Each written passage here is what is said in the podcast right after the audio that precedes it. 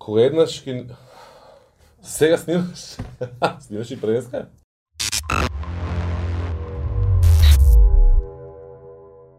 Се враќаме со втората епизода на Комка со третата сезона. Трета ли? Па трета ја нареков дека е, не знам дали е трета. Знаеш кога трет циклус ке ни дое. Првен беше со Митко, па после беше с малце со Дација, ма многу малце епизоди имаше и сега сум као нели. Ама чекай бе, првиот конкас ми ја... Не за видео правиме. А, за видео, да, добро. Ама чекај, ако го ставиме аудиото у приказка, уствари тоа ќе имаме многу. Тоа ќе сакам имаме да ова ќе пета или шеста ќе му Сакам дое. да кажам, дека аудиото кој ќе го ставиш од почеток, пошто прв Значи, колку а, со аудио. Едни од татковците на Комкастот во Македонија, Пионер на хаус музиката. пионерот на хаус, пионерите на хаус музиката, добро. Се враќаме со Комкаст втора епизода, оваа со сеат супер помина, така и очекувавме и нормално кој ќе отвориш така со еден нинџа, мораш да имаш и втор нинџа одма во во следната епизода. Најав дека ќе имаме uh, сериозни гости, луѓе кои што се основоположници на комуникации, кои што со долги години го одат патот за да тоа остане така како што е. Мите, Е, Значи, се сеќаваш кога пред, две, пред многу години, па нешто беше 2012-та, 11-та, 12-та, кога правевме концептот за првиот комкаст, добро. за првиот подкаст, па вака Со сценарио го правев? Со сценарио, да. Да. Значи, на со... Celtics тогаш една програма беше, сега сега веќе сега веќе не е слободна. Можеш да да купиш, ама тогаш беше имаше платена и фри верзија на Celtics имаше добро и за баш за аудио, имаше имаше посебни делови за што сакаш да пишеш, имаше баш за аудио тогаш со сценарио го го правевме првиот конкаст. со музика во позадина, со... То... Да, да, да. Да. Убаво беше. И, и после станавме многу поискусни и сега тотално без сценарио, без подготовка, односно со минимална подготовка, ќе зборуваме за подкасти на нашиот комуникацијски подкаст. Само да спомнам дека Стречер си само што ги снимавме. Чет... Трета епизода од четврта сезона. Значи, сезона. традицијата за оваа сезона налага, налага дека секоја секоја епизода на комуникација и подкастот ќе мора да ги спомнеме и стречерси. Да. Uh, рековме ќе зборуваме за подкаст. Uh, имаме некој втор бран, така наречен, на популарност на, на, на подкасти.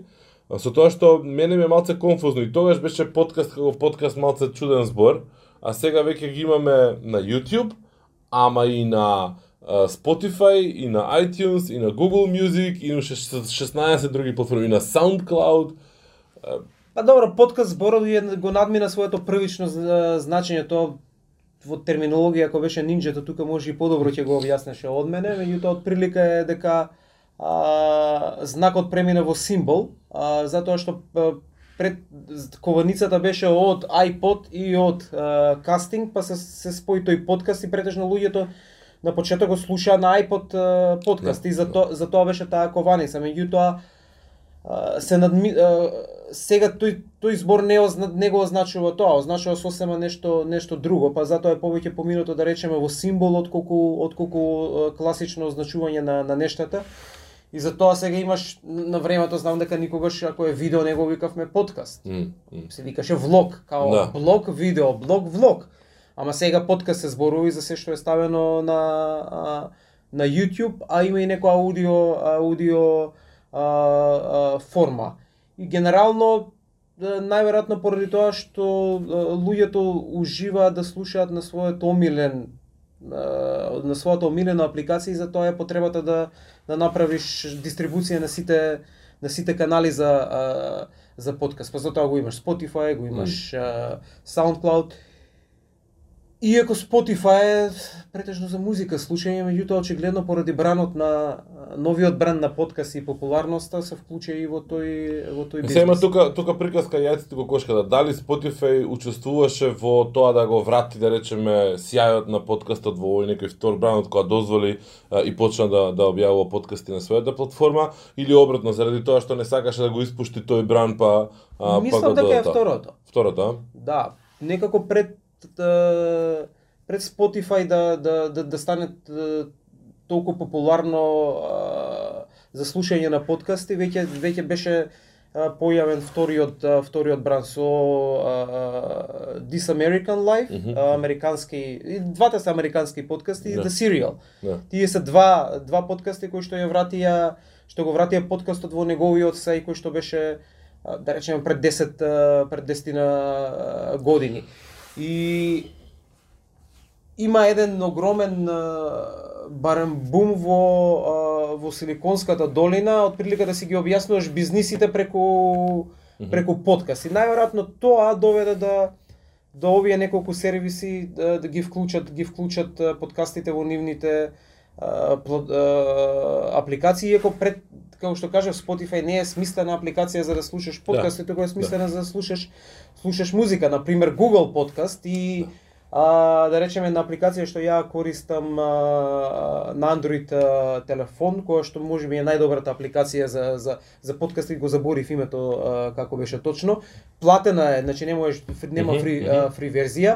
Се смислени за тоа да го а, да, да сервираат подкасти. На кој начин се за, се зачленуваш или додаваш подкаст таму, фидот го ставаш како URL или го пребаруваш од различни мрежи? Во а, Да, во таа платената. Во платената е обично бараш. На пример, ако знам на пример еве New York Times Daily, а, што е секој ден што го објавуваат подкастот, Мгм. барам тој подкаст да го. Значи има свој директориум. Да, да, си има свој директориум. Ако сакам Watch Аха. подкаст на пример што е за НБА, Мгм. го барам тој. Ама генерално мислам дека и а, не, не, сум, не сум сигурен, меѓутоа генерално може можеш да да внесеш и фит ако сакаш да да, да а, внатре во Прашањето ми е затоа што измината недела истражував малце да што се треба да се направи за да се пријави подкаст на различни платформи. И нормално најлесно е да ти ко- користиш сервер платформа, односно хостинг платформа за за аудио фајлови, која што после тоа со неколку клика автоматски ќе прави редистрибуција на твојата содржина на различните платформи само со некое поврзување и слично и на тој начин го го прави тоа достапно. Мене ми изненади на пример кога го преварував комуникација подкастот, дека го најдов на Google Podcast, Да. без притоа јас никаде да го привам, меѓутоа си има посебен фид плагинот кој што го користиме во пазина на И го фанал, го индексирал. Си го фатил, си го индексирал, си го начекал, ме свегаш, тоа што ги немаше премногу епизоди, ама и немаше ништо преголема активност, не знам од кога Да. почнав тоа, тоа Google Podcast да да функционира. Малку истражував околу Spotify, се запнав да го привам на Spotify, ама заради тоа што нели како земја не сме признаени, па мора акаунт да имаш таков, па да Па мора. VPN да користиш, па Да, па малце некако Јас за бе- тоа одбивам да користам Spotify затоа што не е достапен во во Македонија. А, Google Podcast апликацијата пред една година ја направи редизајн и е би рекол едно од најдобрите моментално, сега дури ми е добро, на времето немаше таква апликација онаа која што ја платив, затоа сум ја платил. Да. Ама да, на пример во тоа време ако имало Google Podcast никогаш Да. не би ја платил таа таа апликација, а ова е да. а ова е баш слободна, бесплатна за за за, за користење. А, уште малку само ретро приказка, чисто хронолошки да одделиме почит за првиот подкаст во Македонија, подкаст Гораст на Гораст беше како се каже Гроздановиот, не. На Гроздановиот, Гроздан, да, Гроздановиот подкаст подкаст, беше да. Што технички му помагаше да го да го прави Джоле од, од Санс, кој што долго време работеше во Google, не знам дали уште таму или Чекај, е Струмја мислам, немаше исто нешто Покасно мислам дека Покасно беше. беше, Мислам дека да. првиот беше Гроздановиот подкаст и беше ми се чини на екс новинар во пензија Чичко Старко што се одамна веќе веќе Да. починат и баш имаше онаков милозвучен филм глас, мислам дека беше од МТВ, од Македонско радио Од Македонско новинар. радио мислам дека беше новинар. Да. А, има една а, содржинска разлика во однос на на подкастите и новиот бран што се што се случи. мгм.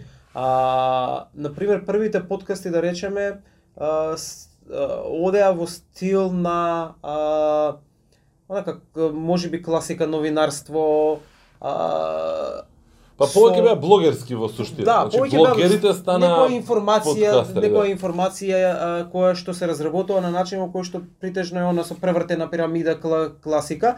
Да, имаше и тогаш а, подкасти кои што кои што беа надвор од ова кои што беа класични оноа радио емис радио да емисија, ги шоуа да ги речеме, Да. или имаше онаа фикција, знаеш, онака драма, радио радио драма ги имаше Мгм, и тогаш.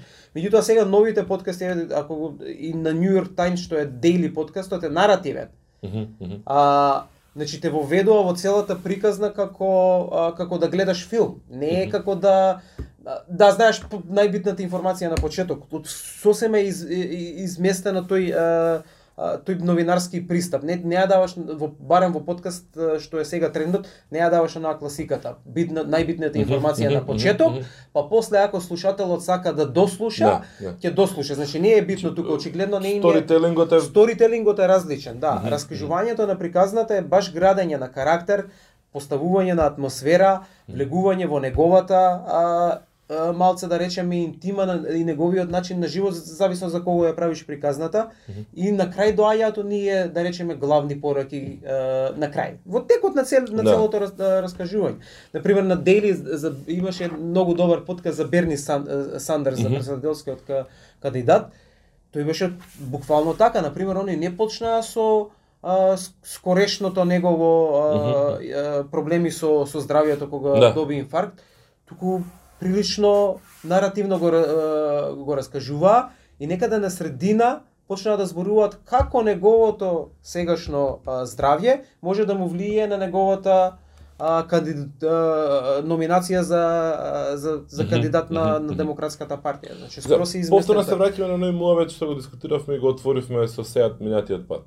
Во смислот тоа дека има поспора, потемелна, подобро обработена содржина која што ти дозволува онака да се препуштиш на тоа и да слушаш и да се задлабочиш во одреден проблем. Значи бегаме од онаа динамика секојдневна во која што само се расфрламе со наслови и она парчиња од информации кои што летаат наоколу и сакаме во текот на денот као што не знам помладиве можеби седнуваат и гледаат 2-3 сати навечер YouTube или од Сабајле за да прегледаат нивните омилени јутјубери што правеле или што снимиле, што објавиле овие денови. Дали може да кажеме дека некоја повозрасна публика се уште не оди кон YouTube каналите, меѓутоа а, можеби полесно се се поврзува на со овој аудио формат. И без разлика што јас сметам дека добар дел од нив и добар дел од, од подкастите ги слушаме и како како видео, односно ќе го пуштиш у позадина на YouTube и си Да. тера. Тоа баш сак, сака, сакав да ти да го кажам. Например, а, кога пред десетина години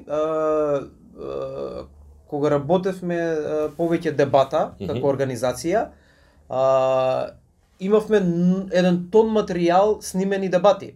И тоа беа видео дебати. А, и тие дебати а, имаа доста прегледи. А, меѓутоа во еден момент имавме ситуација во која што а, дел од нашите корисници не прашаа зошто се само видео, зошто не ги направите и аудио и онака јас ги слушам дебативе додека сум на работа. Го пуштам YouTube, го спуштам доле Да. и си продолжувам со работа, а на, на слушалките го а, го слушам. И тогаш а, се, се треба да сватите зошто они тогаш побара а, да не биде видео формат, затоа што интернетот не беше толку брз колку што е денеска Да. и дополнително немаше толку а, Бендвит, неограничен да, да. неограничен бендвит како што имаме како што имаме денеска и само бараа многу поедноставна а, форма како они би го слушале тоа кој и, и онака само го го примаат како а, како аудио форм, а, како аудио форма, без разлика што видеото оди во позадина за Добро, за самиот за, факт што имаш ти, еве, ние имаме статичен кадар, немаме промена на кадри, Да. немаме промена на динамика, седнуваме, јас ти зборуваме. Генерално нашите нашите експресии, значи нашите да речеме чувства и посветеност на тема или страст преку гласот може да се може да се доди. Нема потреба толку многу се ти да гледаш дали јас со очите ќе мрднам вака или ќе мрднам така. Да. И само уште една работа, оно што што што го спомна за за за должината, значи мантрата беше младите не сакаат долги работи, мора да видиш сек пократко, пократко, пократко и на крај на добив се доведовме на новинарство на наслови, што не е што не е, новинарство или како беше она, не не работат новинарство, прават постери. Да, да, да, да, брилјантно. И меѓутоа ако ја земеме од од забавната индустрија, особено со стриминг сервисите на виката на младите, на виката на младите да седнат и да гледаат 10 сати да, серија. да, да. Значи очигледно нешто им го задржува а, вниманието. Не е дека они немаат внимание, дека нивно, Да. нивното внимание е кратко. Едноставно содржината Едноставно содржината не е прилагодена за нивните вкусови. Сега па има тука неко а, може да правиме дебата кога треба да користиме подолга форма, кога треба да Така. користиме кратка форма и така натаму за да- за они да бидат информирани. А меѓутоа како и да е, враќањето и сега малце е глупо, знаеш, го, го викаат long form, long form journalism или Уствари треба е оригиналниот А журналист. тоа е всушност оно што пред пред да речеме дека овие оваа мантра на треба пократко, треба пократко, треба Да, пократко, побрзо, треба пократко, побрзо, да. тоа беше новинарството кое што ние секојдневно го а, го, го, го, го користевме и го кон- конзумиравме. И сега најверојатно за да се ребрендира на некој начин тоа класично новинарство што беше пред 10 години што што за нас најверојатно е класично, за новаа генерација не е. Ради ребрендинг за да биде некоја звучна а, а, некој звучно име го крстија long form long form journalism. А Guardian многу експериментира, мислам експериментира, не експериментира, многу добро го работи тоа. А, има еднаш може да се претплатиш еднаш неделно ти, ти испраќаат а, Да. на мејл а, текстови кои што ти треба зависно колку брзо читаш и зависно колку ја знаеш а, темата на Да, која да, што за читаш. да. Некаде од пола саат до 45 минути за еден текст. Меѓутоа кога ќе го прочиташ тој текст, ти се чувствуваш дека дента си информиран, дека си научил нешто, дека си Да. дознал нешто. Да. А, а кога одиш на со читање на наслови, а, знаеш го имаш ги имаш површината и знаеш дека некаде се случило нешто, некој направил нешто, меѓутоа ниту имаш контекст, ниту имаш поврзување на зошто тоа така се случило. Едноставно е она само само само врвот од од, од ајсберг. А, значи, Сантата мраз. Вториот бран е тука. Во првиот бран кога дискутиравме на истиве теми, мојот беше дека во Македонија не може да се очекува толку многу да има доминација, односно популарност на подкасти, затоа што во основа ние немаме долго време на патување што или немавме технологија или немавме навики и така натаму. Меѓутоа, основната работа тогаш беше дека немаме индивидуалци кои што трчаат премногу а, по кеј, кои што возат точаци, возат не знам мотори и кои што патуваат во автобус секој божи ден по повеќе од 40 минути. Денеска мислам дека добар дел од овие работи се исполнети како предослов. Значи имаме луѓе со слушалки научи се повеќе и многу почесто, по автобуси, по не знам, терени за трчање, во точаци и така натаму. Се уште немаме подкасти. А, точно е дека нема а, дека таа беше предпоставката тогаш дека во Македонија не не заживеа подкастот како што заживеа во во, во западните да речеме а, земји затоа што сметавме дека луѓето не патуваат доволно Тоа делумно, автобус. да. Иако не е точно, на пример 20 до 30 минути на секој му треба да да стигне од точка А до точка Б кога зима јавен кога зима јавен а, превоз. Тогаш беше поефикасен. А, тогаш беше поефикасен, добро. А, има една, дру, и една друга компонента. Значи сите овие се исполнети, е, исполнети сега услови. Има луѓе што а, што џугираат се повеќе и повеќе, има луѓе што се повеќе и повеќе во заточек. Сите од нив се а, иако ја генерално не сум баш е, љубител, да. да љубител додека возиш точек и ајде додека трчаш вајда на некоја си патека каде што до прилика знаеш дека е е, безбедно е окей, меѓутоа кога гледам луѓе со точаци Друго ниво на сообраќај ми е- дискусија тоа. Ти Да. во коло имаш музика пуштена. Ама, ама не си исклучен од Па не си исклучен ни вака, ме сваќаш. Тоа сега да кажам. Третото една работа што сега можеби е дополнителен плюс за можност за успех на подкасти во Македонија е што веќе многу лесно може телефонот да го поврзеш со колата. А многу луѓе слушаат Да. радио од од точката на патување работ, работно место Да, до да. а, до дома. Е сега треба да се создаде навика а, за слушање на подкасти. Проблемот е еден, а, од економија, нели? Ако нема а, понуда, нема ни побарувачка. Зависно Да, која теорија да. ја ја прифаќаш. Има и обратно. Ако нема ако нема а, побарувачка, не може да има и понуда. Меѓутоа во овој случај најверојатно треба да се оди на варијантата дека мора да се создаде понуда, а, да се понуди понуда всушност, да се создаде еден а, с, добар дел, а, добра архива на подкасти кои што се редовни, кои што се произведуваат, за да можеме да предизвикаме а, таа крива на, на, на побарувачка за, а, за такво нешто. А, токму поради тоа, а, и поради овие а, причини, ние, а, как, а, односно види вака, а, ќе пробаме врз основа на истражување, тоа мислам дека ќе биде прв пат во можеби и во регионов или во Македонија сигурно, врз основа на истражување да видиме дали има логика првен да се прави подкаст во Македонија, Мгм. кои се навиките на луѓето додека патуваат, дали сакаат да слушаат аудио содржина, ако сакаат да слушаат аудио содржина, каква аудио содржина сакаат да слушаат, и дали сакаат таа аудио содржина да им оди а, непречено а, во однос на тоа што прават на мобилниот а, а, телефон. Затоа што има, имаш ситуација во кој што некој сака да слуша аудио содржина и при тоа да гледа фотографии на Инстаграм, а имаше некои други кои што можеби сакаат да слушаат аудио содржината и да добиваат дополнителни информации во текот на, на слушањето на содржината. А, Јасно, чепкајќи по телефон. по, те- а, по телефонот. Меѓутоа како и да е треба да ние ќе пробаме да, да направиме истражување вр, е, е, за ова и врз основа на тоа да одлучиме дали прво има логика во Македонија да стартуваш Мгм. а, подкаст. Да, ама- Дури и да нема логика, ние Тоа. би оделе би оделе на стартување на подкаст затоа што ја сепак мислам дека ја нема поборувачката затоа што нема понуда на на на на на подкаст. Јас убеден сум дека не е преголема критична маса во овој момент, меѓутоа има луѓе кои што си имаат своји омилени подкасти или подкастери кои што редовно си ги слушаат. Значи им се претплатени на еден или друг канал, на еден или друг начин, дали е тоа Spotify, дали е тоа Google Podcast или било која друга апликација, па и iTunes, нели, вклучувајќи го тоа. Уште на времето имаше нормално, меѓутоа добар дел се ние странски, дали се технологија, дали се не знам новинарство или некакви колумни или некакви ставови, анализи и слично. Е сега, јас сепак сум убеден дека би требало да се понуди нешто. В- Како форма не е пре, премногу скапа воопшто за да се создаде, да се испродуцира. Поевтина е од видео, иако денеска и видео не е никаков сериозен сериозен технички проблем. Е, Она што треба е нели да се да се направи некаков план и да се екзекутира и да може да се издржи до одредена фаза во која што ќе се очекува некако некаква економска или пазарна оправданост. Пред да го започнеме Маведов, јас читајќи некој текст баш за тај втор бран на подкасти, ме инспирираше еден дел од Муабетот дека подкастот како форма нема реклами кои што ти се натураат. Нема реклами кои што те прекинуваат. Нема реклами кои што е вака сега ние зборуваме зборуваме фуп поп-ап сега ќе се појави нели реклама или на средина ќе не прекине нас усред зборување, па ќе се појави некој мидрол или прилој, прирол и така натаму. И си помислив дали може би ова е некој од причините зошто луѓето повеќе сакаат сега во моментот да се поврзат со еден ваков тип на на содржина.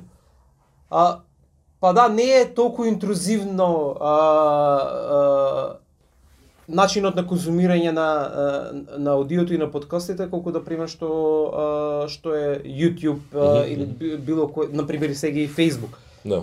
А, на Facebook е дури по ири- ири- иритирачки оние прекинува затоа што рекламите толку немаат логика и толку немаат а, што немаат логика, него треба време да се вчитаат. Мене најмногу мрзи дека Да. чекам да ми се Да. вчита. И, и уште на почеток ќе ми ќе ми каже едно 30 на секунди ќе ми го отполни она и уште ме нервоза ме фаќа многу често ми се случува да го исклучам видеото кога кога го гледам кога го гледам кога го гледам тоа.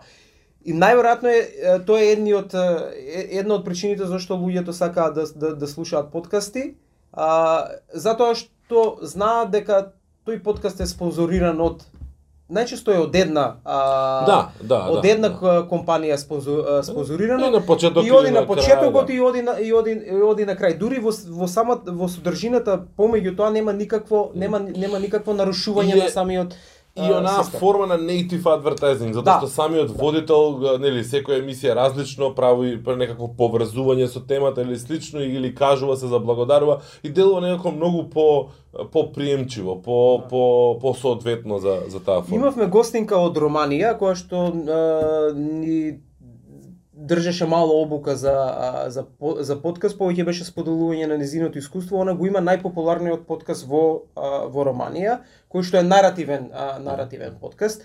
И сега а, во однос на бројките пошто ја малце ја ја, ја, ја допра таа таа тема во прашањето, а, незиниот подкаст има точно 5000 лојални слушатели Мгм, мгм.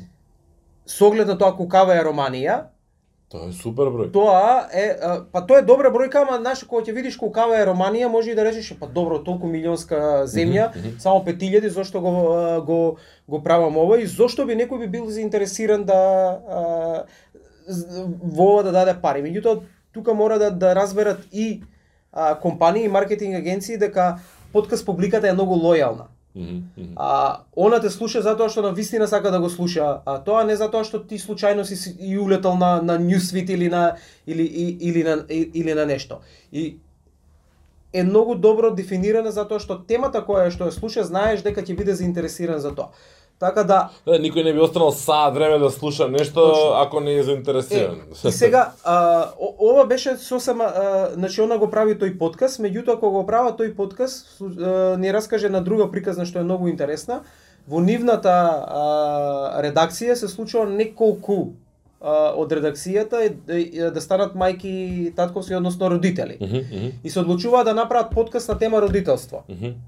Има од прилика некаде 2 до 3000 а, публика а, и бил спонзориран од компанија која што произведува а, производи за за за бебиња. Добро.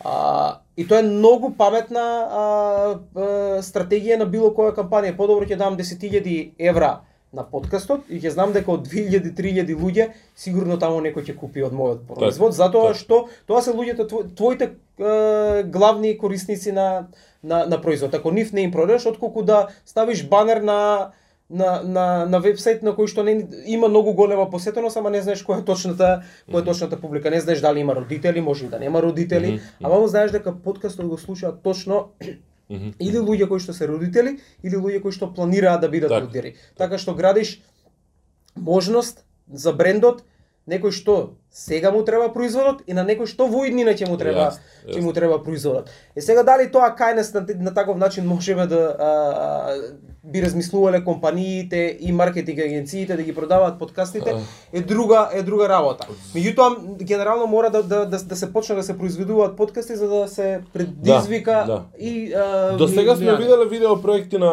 е, инициирани и стартувани од сами компании, значи така наречени влогови, ајде да ги крстиме, и ние сме работеле нешто нешто тоа, секако и заедно со еден куп други брендови.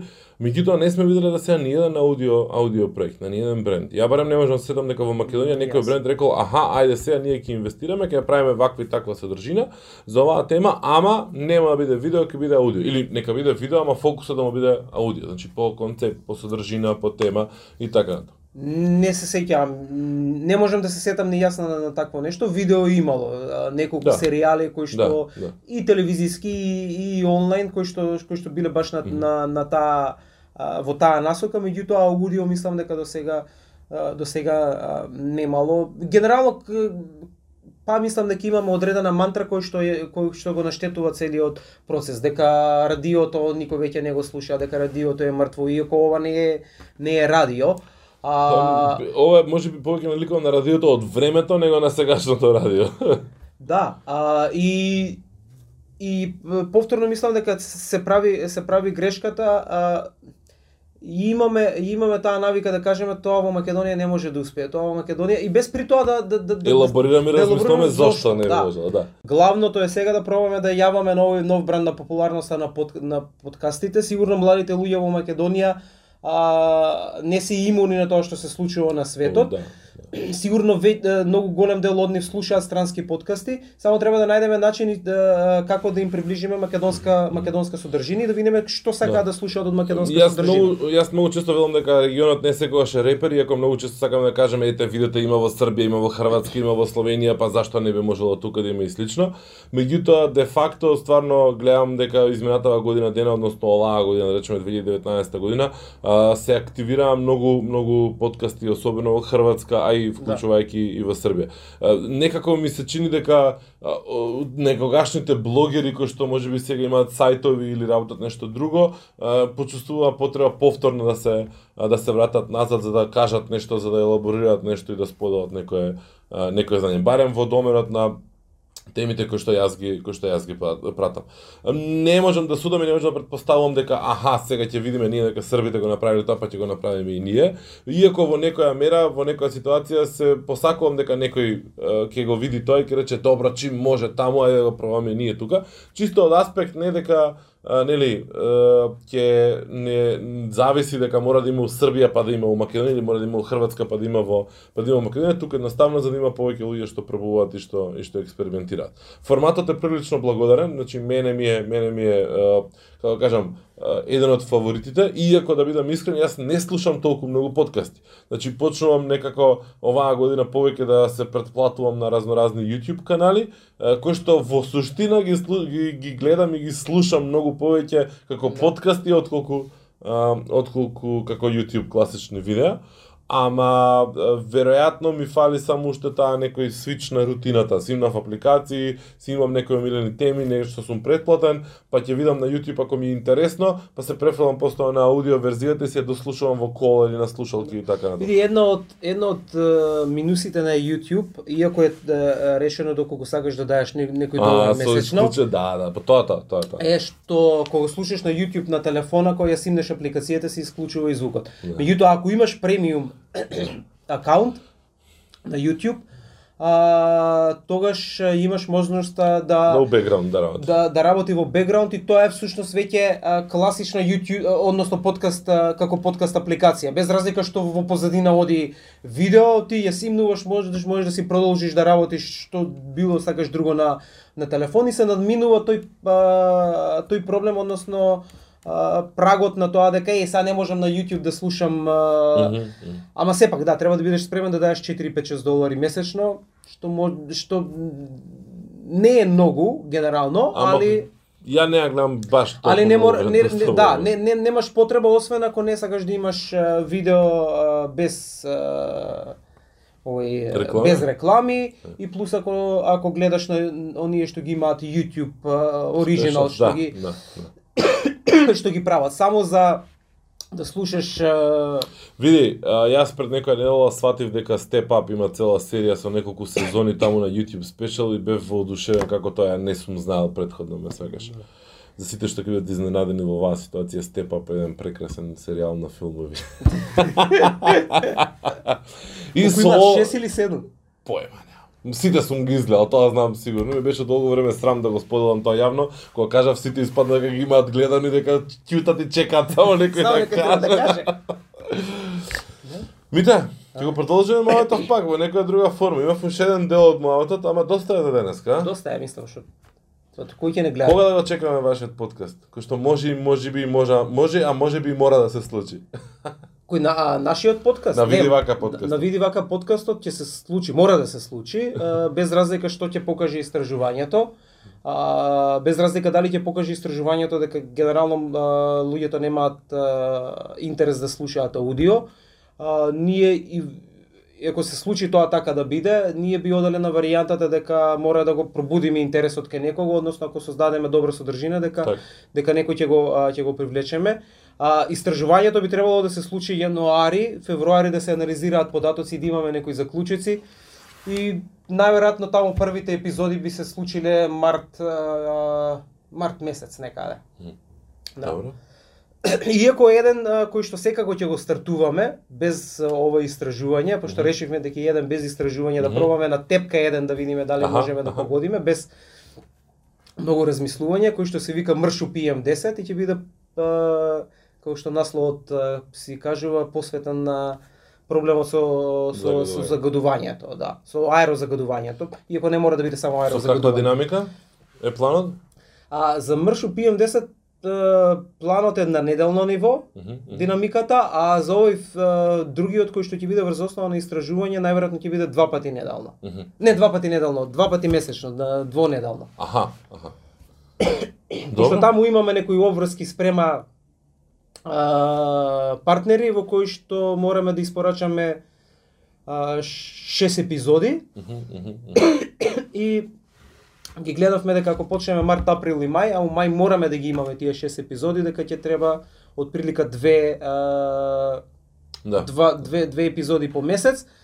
И не би оделе нешто повеќе од тие шест епизоди, пошто тоа ќе треба да биде всушност а, а, од прилика студија на случај да видиме што сме научиле од истражувањето, каде може би смутнале во анализа на податоците од истражувањето, кога сме тргнале во продукција кои биле проблемите, а, што сме направиле во да, да, да, да направиме промени за да ги за да ги надминеме некои проблеми. Генерално ќе сакаме да дадеме еден а, а, а, да речеме блупринт за тоа Што да се кои треба чекори да ги пазиш за да кога би Добро. сакал да почнеш да почнеш ед- одреден подкаст. Кој ќе го поминеме тоа, ќе се вратиме назад тука и ќе зборуваме повторно за бројките и за статистиките И и за искуството и за мерењата и слично, пошто мене ми е таа една тема која што ја избегнувам упорно и со Комкаст а, објавиве да ја правам, а веројатно треба во смисла на тоа дека се отвара кога ќе почнеш да објавуваш редовно едно брдо на прашање од поглед на статистики, докази, бројки,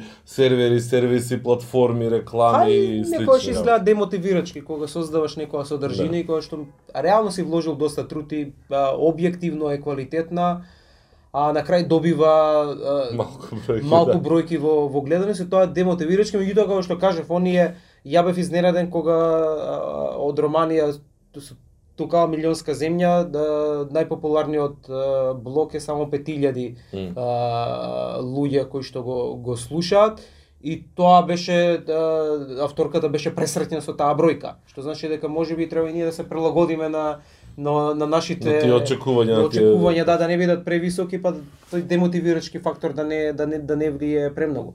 Најверојатно лојална публика од 1000 луѓе а, во на подкаст во Македонија е, Премиум. е премногу.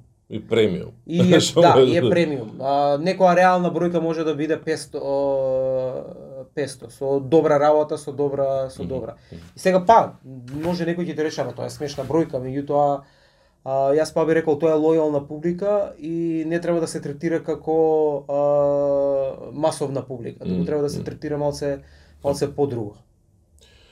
Ти благодарам за муабетот.